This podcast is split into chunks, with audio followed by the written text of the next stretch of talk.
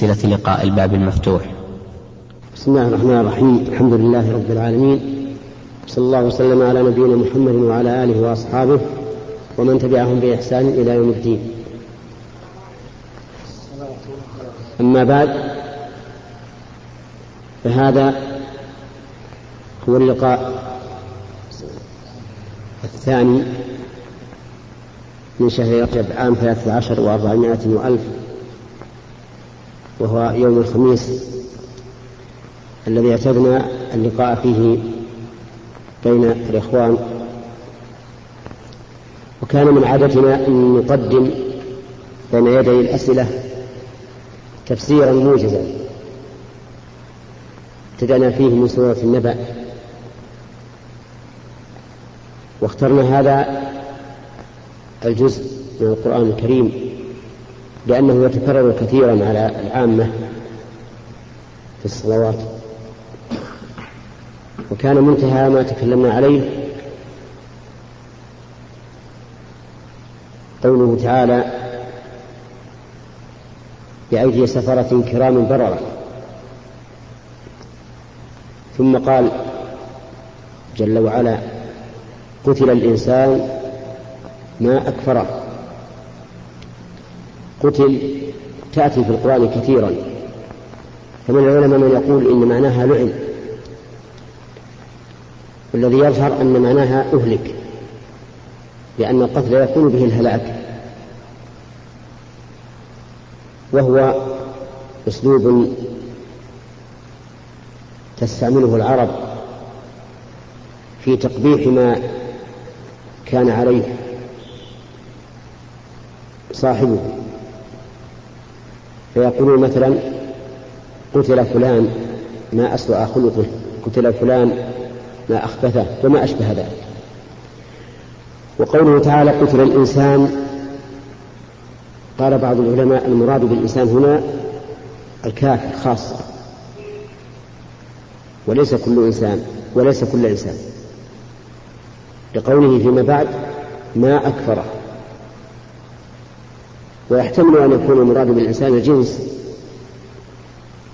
لأن أكثر بني آدم كفار.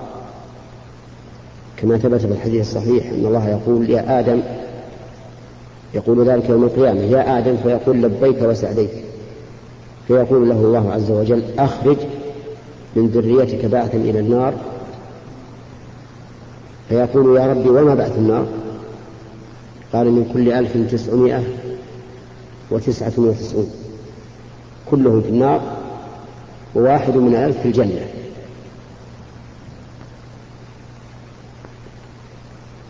فيكون المراد بالإنسان هنا الجنس ويخرج المؤمن من ذلك بما دلت عليه النصوص الأخرى. وقوله ما أكفره قال بعض العلماء إنما هنا استفهام. أي أي شيء أكفره ما الذي حمله على الكفر؟ وقال بعض العلماء إن هذا من باب التعجب يعني ما أعظم كفره وإنما كان كفره أي كفر الإنسان عظيما لأن الله أعطاه عقلا وأرسل إليه الرسل وأنزل عليه الكتب وأمده بكل ما يحتاج إلى التصديق ومع ذلك كفر. فيكون كفره عظيما. والفرق بين القولين أنه على القول الأول تكون ماء استفهامية أي ماء ما الذي أكفره؟ وعلى القول الثاني تكون تعجبية يعني عجبا له كيف كفر مع أن كل شيء متوفر لديه في بيان الحق والهدى. والكفر هنا يشمل كل أنواع الكفر ومنه إنكار البعث. فإن كثيرا من الكفار كذبوا بالبعث وقالوا لا يمكن أن يبعث الناس بعد أن كانت عظامهم رميما.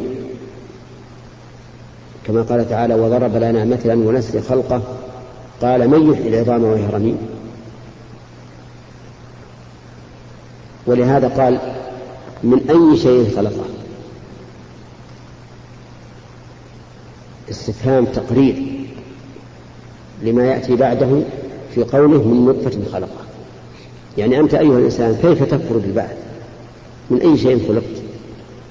ألم تخلق من العدم؟ لم تكن شيئا مذكورا من قبل؟ فوجدت وصرت إنسانا؟ فكيف تكفر بالبعث؟ ولهذا قال من نطفة خلقة والنطفة هي في الأصل الماء القليل والمراد به هنا ماء الرجل الدافق الذي يخرج من بين السلب والترائب يلقيه في رحم المرأة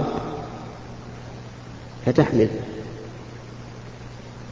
من نطفة خلقه فقدره أي جعله مقدرا أطوارا نطفة ثم علقة ثم مضغة كما في الحديث الصحيح.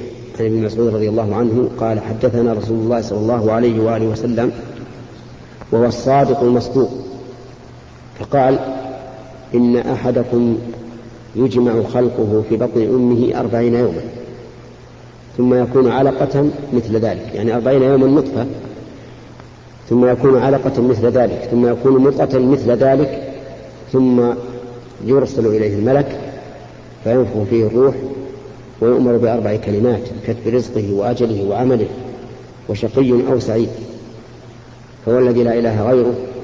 إن أحدكم ليعمل بعمل أهل الجنة حتى ما يكون بينه وبينها إلا ذراع. فيسبق عليه الكتاب فيعمل بعمل أهل النار فيدخلها وإن أحدكم لا يعمل بعمل أهل النار حتى ما يكون بينه وبينها إلا ذراع فيسبق عليه الكتاب فيعمل بعمل أهل الجنة فيدخلها فهو مقدر في بطن أمه. من الذي يقدره؟ هذا التقدير. من الذي يوصل إليه؟ ما ينمو به من الدم الذي يتصل به بواسطة السرة من دم أمه إلا الله عز وجل. ولهذا قال فقدره ثم السبيل يسره. السبيل هنا بمعنى الطريق. يعني يسر له الطريق ليخرج من بطن أمه إلى عالم المشاهدة ويسر له أيضا بعد ذلك ما ذكره تعالى بقوله وهديناه النجدين.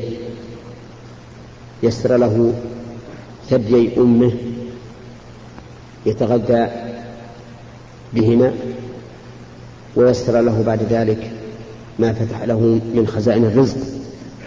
ويسر له فوق هذا كله وما هو أهم وهو طريق الهدى والفلاح وذلك بما أرسل إليه من الرسالات وأنزل عليه من الكتب. ثم بعد هذا أماته فأقبره. أمات الموت مفارقة الروح للبدن وأقبره أي جعله في قبر. أي مدفونا سترا عليه وإكراما واحتراما لأن البشر لو كانوا إذا ماتوا كسائر الميتات جثثا ترمى في الزبائن لكان في ذلك إهانة عظيمة للميت ولأهل الميت. ولكن من نعمة الله سبحانه وتعالى أن شرع لعباده هذا الدفن ولهذا قال ابن عباس رضي الله عنهما في قوله تعالى فأخبره قال أكرمه بدفنه. ثم إذا شاء أنشره. إذا شاء الله عز وجل أنشره أي بعثه يوم النشور ليجازيه على عمله. وقوله ثم إذا شاء أنشره يعني أنه لا لا يعجزه عز وجل. أن ينشره لكن لم يأتي أمر الله بعد. ولهذا قال كلا لما يقضي ما أمره يعني لا لما بمعنى لم لكنها تفارقها في بعض الأشياء. والمعنى أن الله تعالى لم يقضي ما أمره أي ما أمر به كونا وقدرا أي أن الأمر لم يتم. لنشر أو لإنشار هذا الميت بل له موعد منتظر. وفي هذا رد على المكذبين بالبعث الذين يقولون لو كان البعث حقا لوجدنا آباءنا الآن. وهذا القول منهم تحدي مكذوب لأن الرسل لم تقل لهم إنكم تبعثون الآن ولكنكم ولكنهم قالوا لهم إنكم تبعثون جميعا بعد أن تموتوا جميعا. ثم قال عز وجل مذكرا الإنسان بما أنعم الله عليه فلينظر الإنسان إلى طعامه. أن صببنا الماء صبا أي فلينظر إلى طعامه من أين جاء ومن جاء به. وهل أحد خلقه؟ لا. وينبغي للإنسان أن يتذكر عند هذه الآية قول الله تبارك وتعالى أفرأيتم ما تحرثون؟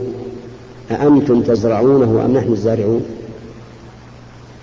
لو نشاء لجعلناه حطاما فظلتم تفكهون. إنا لمغرمون بل نحن محرومون. من الذي زرع هذا الزرع حتى استوى ويسر الحصول عليه حتى كان طعاما لنا؟ هو الله عز وجل. ولهذا قال لو نشاء لجعلناه حطاما بعد أن نخرجه نحطمه حتى لا تنتفعوا به. أفرأيتم الماء الذي تشربون؟ أأنتم أنزلتموه من المزن أم نحن المنزلون؟ لو نشاء جعلناه أجاجا. فلولا تشكرون. وهنا يقول فلينظر الإنسان إلى طعامه. من أين جاء أنا صببنا الماء صبا يعني من السحاب.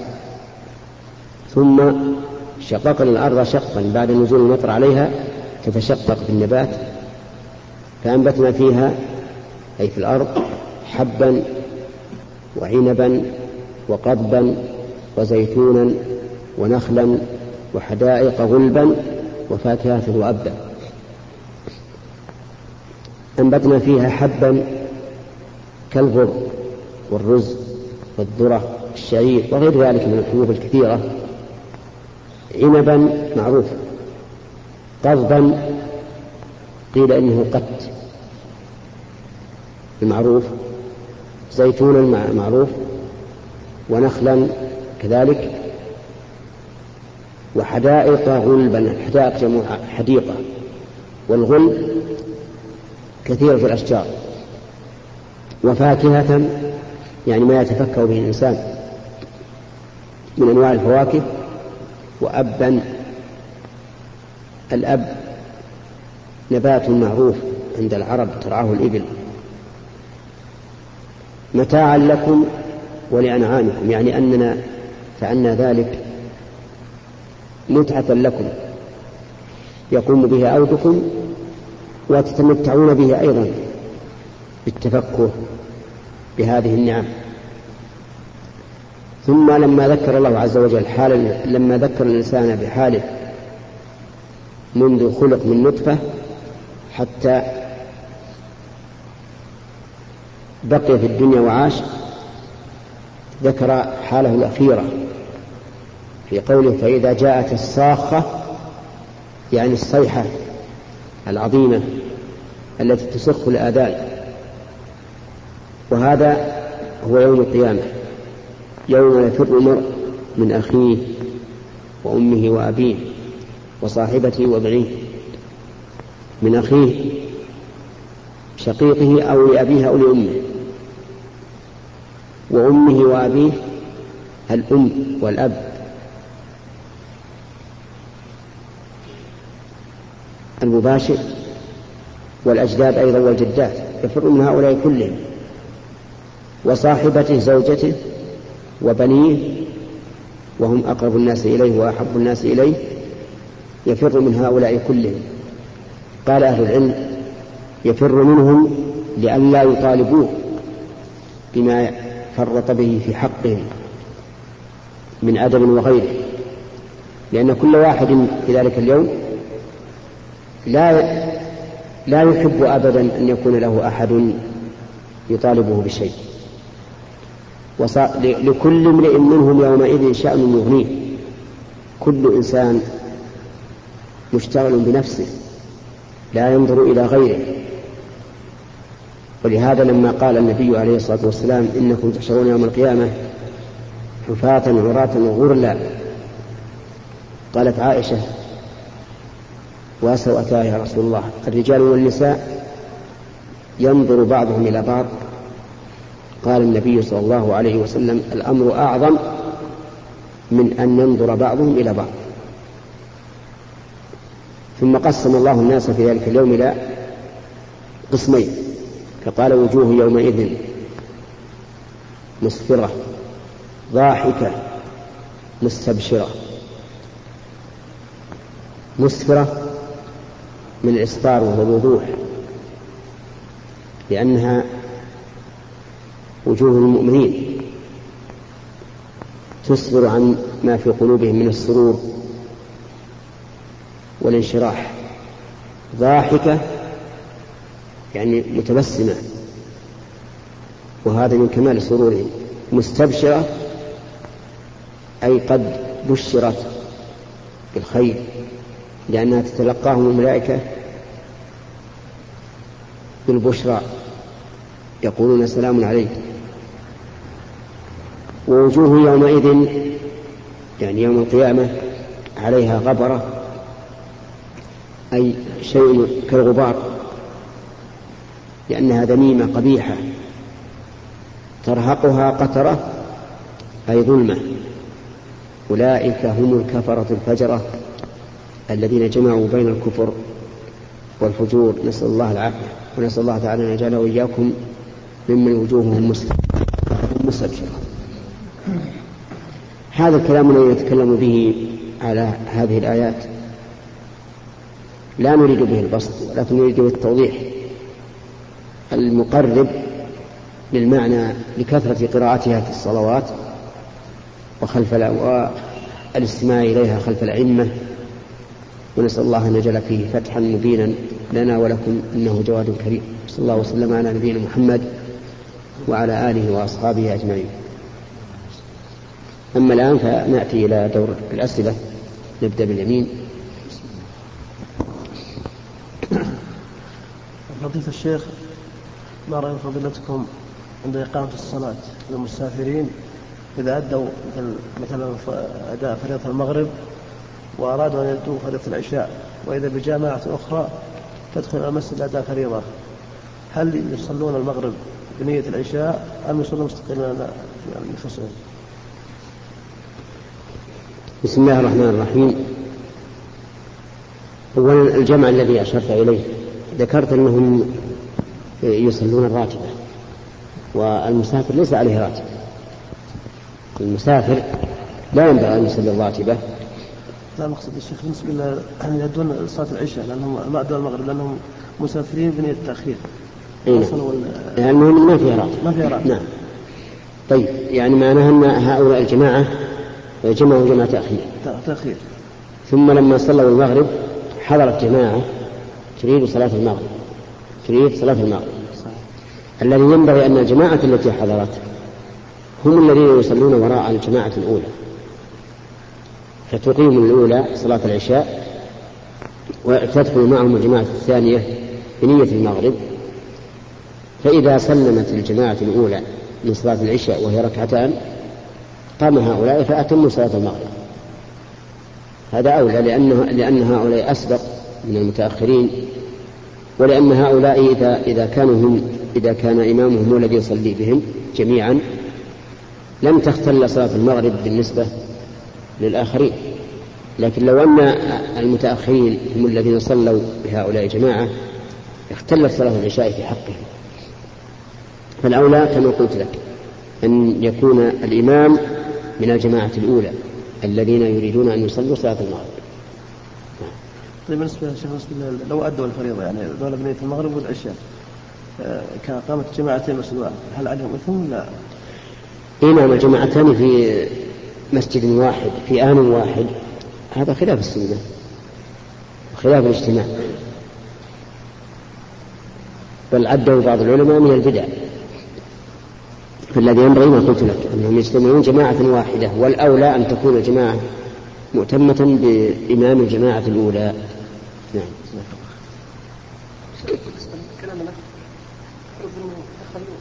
هم يسمون المغرب فدخل الجماعة. هل يتم أربع ركعات العشاء وهم قصر؟ الجماعة التي دخلت معهم وهم يصلون المغرب؟ العشاء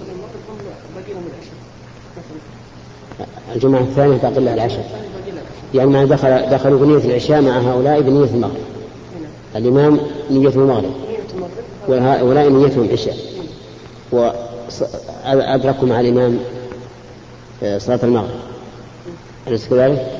إذا صلوا صلاة المغرب مع الإمام ثلاثا وسلم قاموا وأتوا بواحدة. وصلى صلاة العشاء صلاة عشاء متممة. يسلمون على ركعتين لا ما ينبغي أن يسلموا. لكن إن شاءوا جلسوا في إذا قام الإمام بالثالثة ينتظرونه ويسلمون وإن شاءوا أتموا معه فإذا سلم أتوا بركعة. تماما سؤال يا شيخ أرجو توضيح حديث الرجل يعمل بعمل أهل الجنة حتى ما يكون بينه وبين إلا ذراع إلى آخر الحديث. لأنه سمعت عن بعض الأخوة أنه كان له الالتزام بالاستقامة فقبل وفاته بشهر تقريبا انتكس.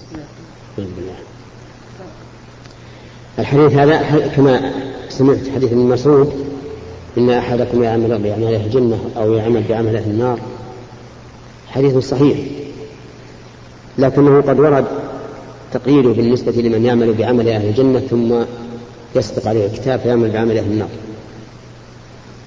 ورد تقييده بأنه يعمل بعمل أهل الجنة فيما يبدو للناس وهو من أهل النار. وذلك فيما رواه البخاري في قصة الرجل الذي كان مع النبي صلى الله عليه وآله وسلم وكان لا يدع شاذة ولا فاذة للعدو إلا قضى عليها فقال النبي صلى الله عليه وآله وسلم إن هذا من أهل النار. فعظم ذلك على الصحابة وكبر عليهم كيف يكون هذا المجاهد البطل من أهل النار؟ فقال أحدهم أي أحد الصحابة والله لألزمنه يعني ألازم حتى أنظر ماذا تكون العاقبة يقول فأصابه سهم من العدو أصاب هذا الرجل البطل سهم من العدو. فجزع. فأخذ بسيفه وجعله على صدره واتكأ عليه حتى خرج من ظهره والعياذ بالله. فمات. فجاء الرجل الذي كان ملازما له إلى النبي صلى الله عليه وآله وسلم فقال أشهد أن لا إله إلا الله وأنك رسول الله. قال وبما قال إن الرجل الذي قلت إنه من أهل النار فعل كذا وكذا. فقال النبي صلى الله عليه وآله وسلم إن الرجل لا يعمل بعمل أهل الجنة فيما يبدو للناس وهو من أهل النار. فهذا الحديث يقيد حديث ابن مسعود. يعني أنه يعمل بعمل أهل الجنة فيما يبدو للناس إلى أن يقرب أجله ثم يعمل بعمل أهل النار. ولهذا ينبغي للإنسان دائما أن يسأل الله تعالى الثبات وحسن الخاتمة وألا يغتر بعمله الذي هو عليه الآن لأن هذا العمل قد يتخلف عند الوفاة. فالأمر شديد عظيم. نسأل الله يحسن لنا ولكم الخاتمة نعم. إيش؟ نعم. إن المنافق يعمل بعمل الجنة فيما يبدو للناس وكذلك المرائي وهو من أهل النار. ولذلك يجب الحذر من النفاق والحذر من الرياء. الحذر من النفاق أيضا بحيث الإنسان يراجع قلبه دائما ويتجنب آيات المنافق التي بينها الرسول عليه الصلاة والسلام. إذا حدث كذب وإذا وعد أخلف وإذا اؤتمن خان يتجنب هذا كله. نعم. بسم الله الرحمن الرحيم الحمد لله رب العالمين. فضيلة الشيخ بالنسبة لبعض الأحيان حالات صلاة صلاة المسافر مع مع المقيم يصير يعني يعني في نفس من ناحية الترتيب مثل أنه يدخل معه في الصلاة الأخير وهو هو على صلاة هو على صلاة المغرب يكون قدم قدم العشاء على على على المغرب لما دخل مع الإمام. إيه؟ وش يكون؟ يكون, يكون الحكم الحكم ليس كما قلت إذا جاء الإنسان والإمام في صلاة العشاء. في صلاة العشاء. نعم. وهو لم وهو لم يصلي صلاة المغرب. ودخل مع الإمام بنية المغرب. نعم فليستمر مع الإمام. يعني بصلاة الأخير. الإمام يصلي الأخير. والمأموم يصلي المغرب. يستمر معه. فإذا أتم المأموم هراة جلس. وقرأ التشهد وسلم. ودخل مع الإمام فيما بقي من صلاة العشاء. هذا إذا كان دخل مع الإمام من أول الصلاة أما لو دخل في الركعة الثانية فلا إشكال. إذا دخل مع الإمام في الركعة الثانية ونوى المغرب فليستمر مع الإمام ويسلم معه ولا في إشكال. عليكم السلام. عرفت؟ نعم. بقي مسألة التشهد مو مشكلة التشهد التشهد يفوت حتى في صلاة الظهر لو دخلت مع الإمام في صلاة الظهر في الركعة الثانية فإنه سوف تتشهد في ركعتك الأولى وتترك التشهد في ركعتك الثانية يعني الإمام سيقوم إلى إلى الرابع بعض الأخوة جزاك الله خير يفتي إنه يفتى بعض الناس أن يدخل مع الإمام صلاة الأخير ويوخر صلاة المغرب عن صلاة الأخير. إيه، نعم بعض العلماء يرى هذا. بعض العلماء يرى أنك تدخل مع الإمام بنية الإمام. يعني بنية العشاء. اختلف عن وإذا انتهيت صلي المغرب. والراجح الراجح الأول عشان الترتيب. جزاك الله خير هذا اللي يعني أحوط للنفس. نعم. رجل تزوج بامرأة يا شيخ فهل يحق للمرأة أن تكشف لزوج أمه؟ إي نعم. إذا تزوج الرجل امرأة. زوج أمه زوج أم الرجل. إيه إيه زوجها لأمه إذا تزوج الرجل امرأة. نعم. صار جميع أصوله محرم له. فزوج أمه إذا كانت المرأة التي تزوجها إذا كان هذا جدها. إذا كان جدها من جهة أمه فإنها تفتش له. أما إذا كان زوج أمه والبنت من غير هذه هذه المرأة فإنها لا لا تفتش له. غير هذا هذه لا تفتش له. ما تفتش إيه ما هو محرم ليس محرما له.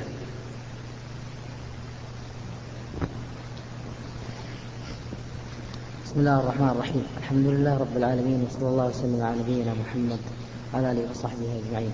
فضيلة الشيخ السلام عليكم ورحمة الله وبركاته. إمام أتى إلى المسجد متأخرا في صلاة الفجر والجماعة ينتظرون الصلاة. هل الأفضل أن يقيم يامر بإقامة الصلاة؟ أن أن هل الأفضل؟ أن يامر أن يامر بإقامة الصلاة. أو يصلي الركعتين ثم يقيم الصلاة. هو هو الإمام إيه هو الإمام. أتى متأخر. نعم. والجماعة ينتظرون نعم. الصلاة. إيه نعم. وهو لم يصلي راتب الفجر. ما صلى الراتب هل من الأفضل أن يصلي الركعتين أو يقيم الصلاة وبعد نعم. إذا كان يشق على المأمومين لو صلى الركعتين فالأفضل أن يصلي بالناس ثم يصلي الركعتين بعد.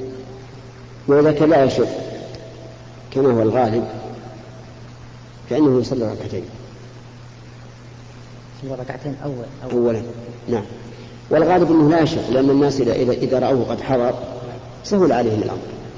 حتى تعرف أنه إذا تأخر الإمام تلقى الناس يتلفتون. نعم يتلفتون لكنه إذا حضر إذا حضر اطمأنت نفوسهم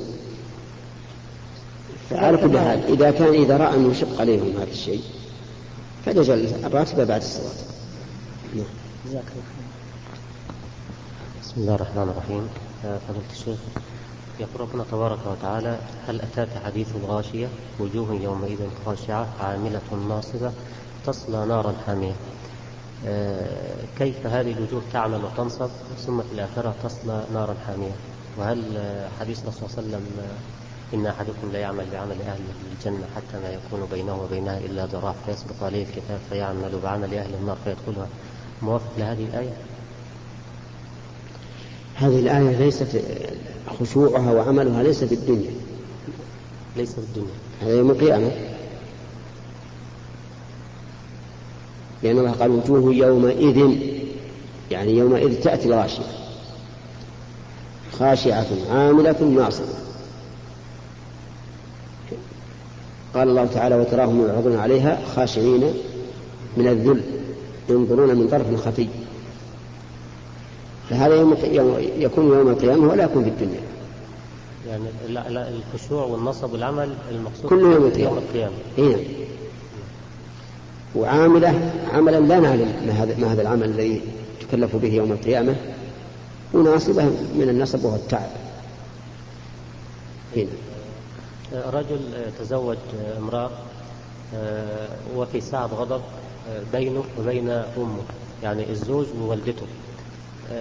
فالأم دايما في شجار مع الزوجة. فأقسم على حل- حلف بالطلاق إن هو زوجته ما تبات في البيت هذا اليوم.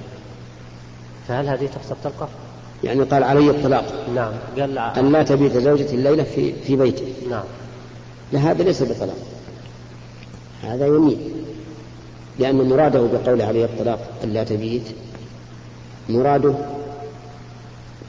توكيد منعها من البيات طيب هي باتت بالبيت يعني هو حلف هذا اليمين وباتت بالبيت. إذا باتت عليه كفارة يمين يعني أن يطعم عشرة مساكين ولا وليس عليه طلاق. يعني لا تحسب طلقة هذه؟ لا لا تحسب طلاق لأن هذا اليمين. نعم لو قال أنا أردت الطلاق ما أردت ما قصدي بذلك التأكيد. قلنا تطلق لكن هو أراد التأكيد. نعم.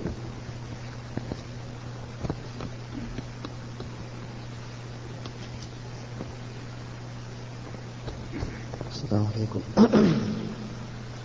شيخ قرأت في كتاب التوحيد في باب ما جاء في الرقاب التمائم إذا كان المؤلف من القرآن فرخص فيه بعض السلف وبعضهم لم يرخص ويجعل من المنهي عنه منه ابن مسعود رضي الله عنه وعن إبراهيم قال كانوا يكرهون التمائم كلها من القرآن وغير القرآن۔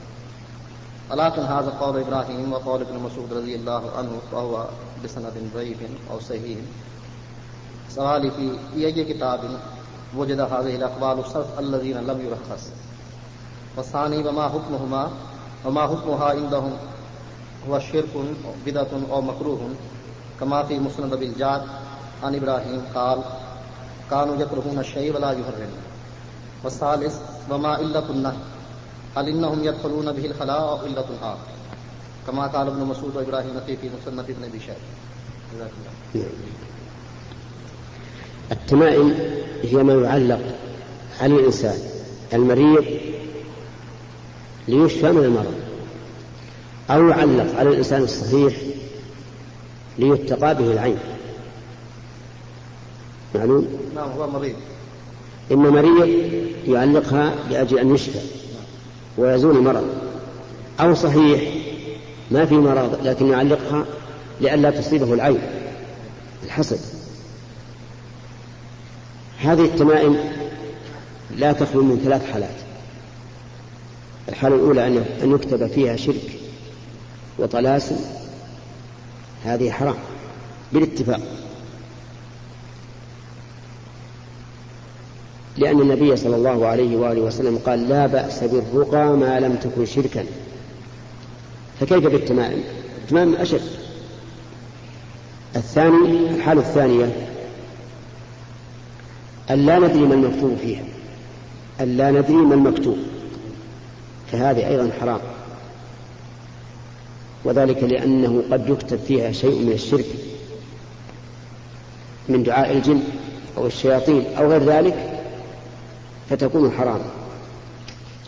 الحالة الثالثة أن نعلم أن المكتوب فيها من القرآن أو من الأد- الأدعية النبوية فهذه فيها خلاف بين السلف والخلف. فمنهم من أجازها مستدلا بعموم قوله تعالى وننزل من القرآن ما هو شفاء ورحمة للمؤمنين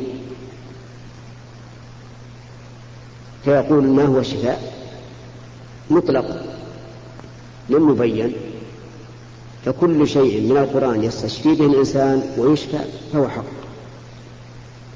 وأجازوا ذلك. ومنهم من منع هذا. وقال إنها مكروهة كراهة تحريم أو كراهة تنزيل لعموم النهي عن التمائم.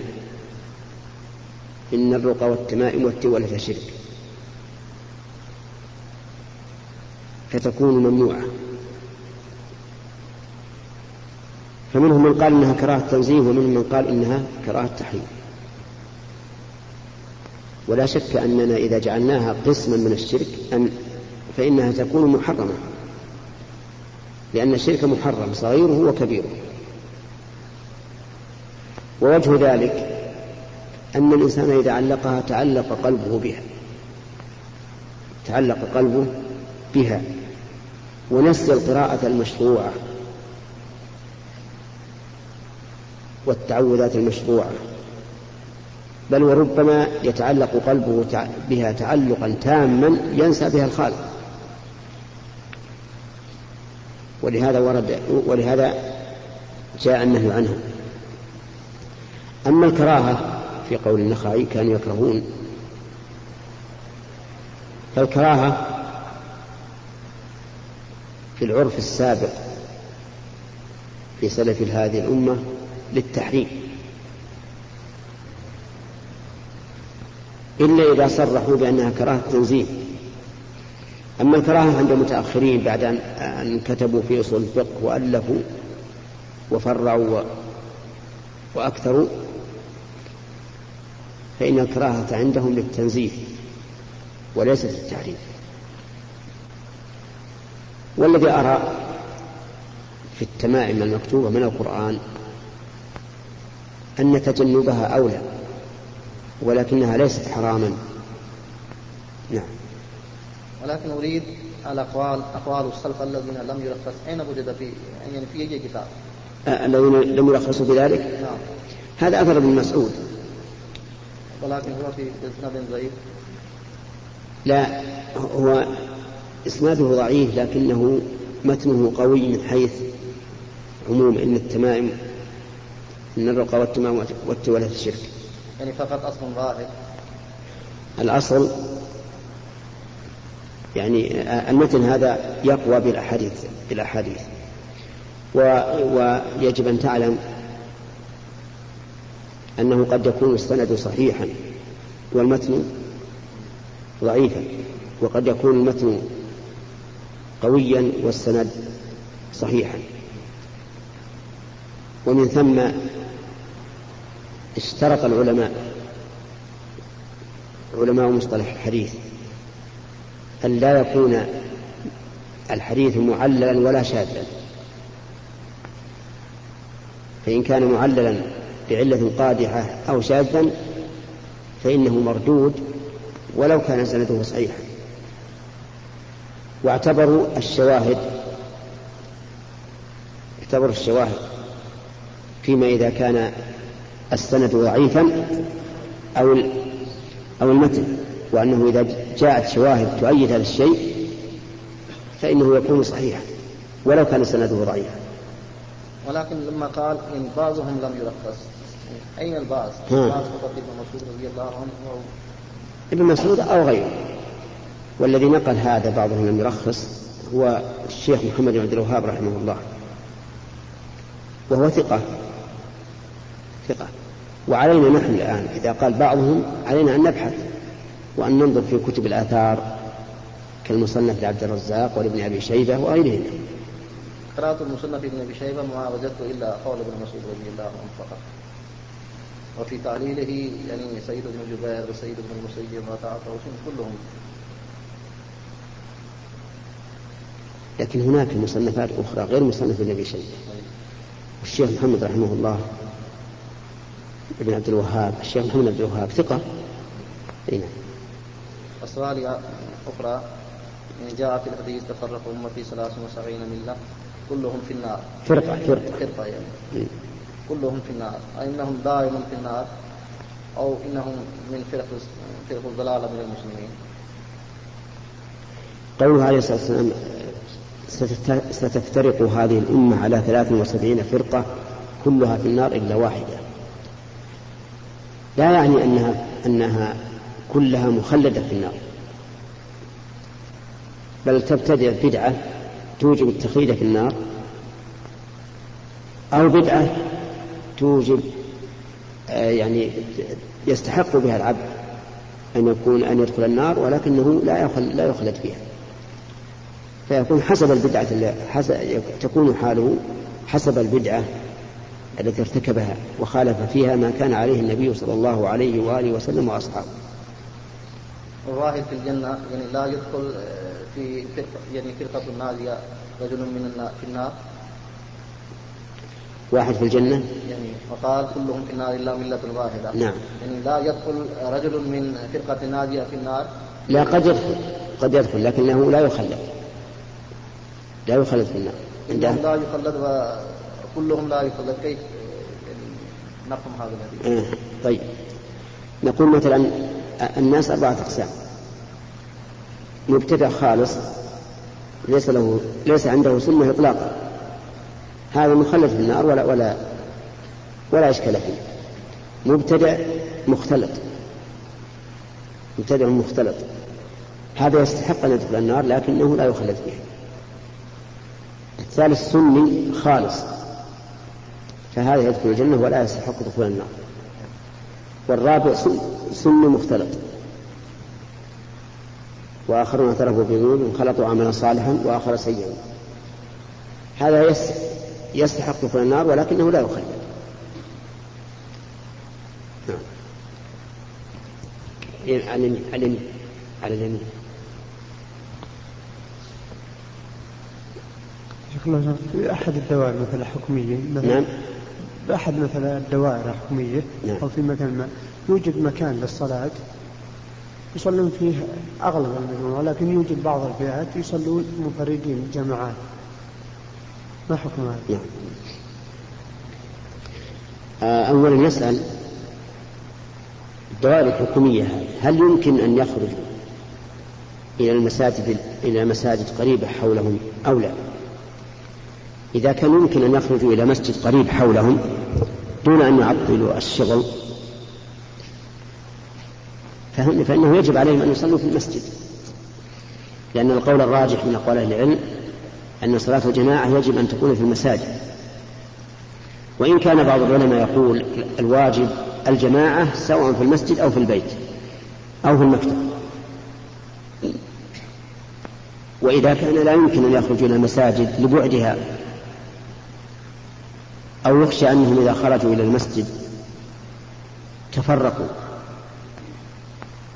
أو تلاعبوا كما يوجد من بعضهم إذا خرج ذهب إلى بيته ولا رجع أو إذا خرجوا تعطل العمل لكون العمل كثيفا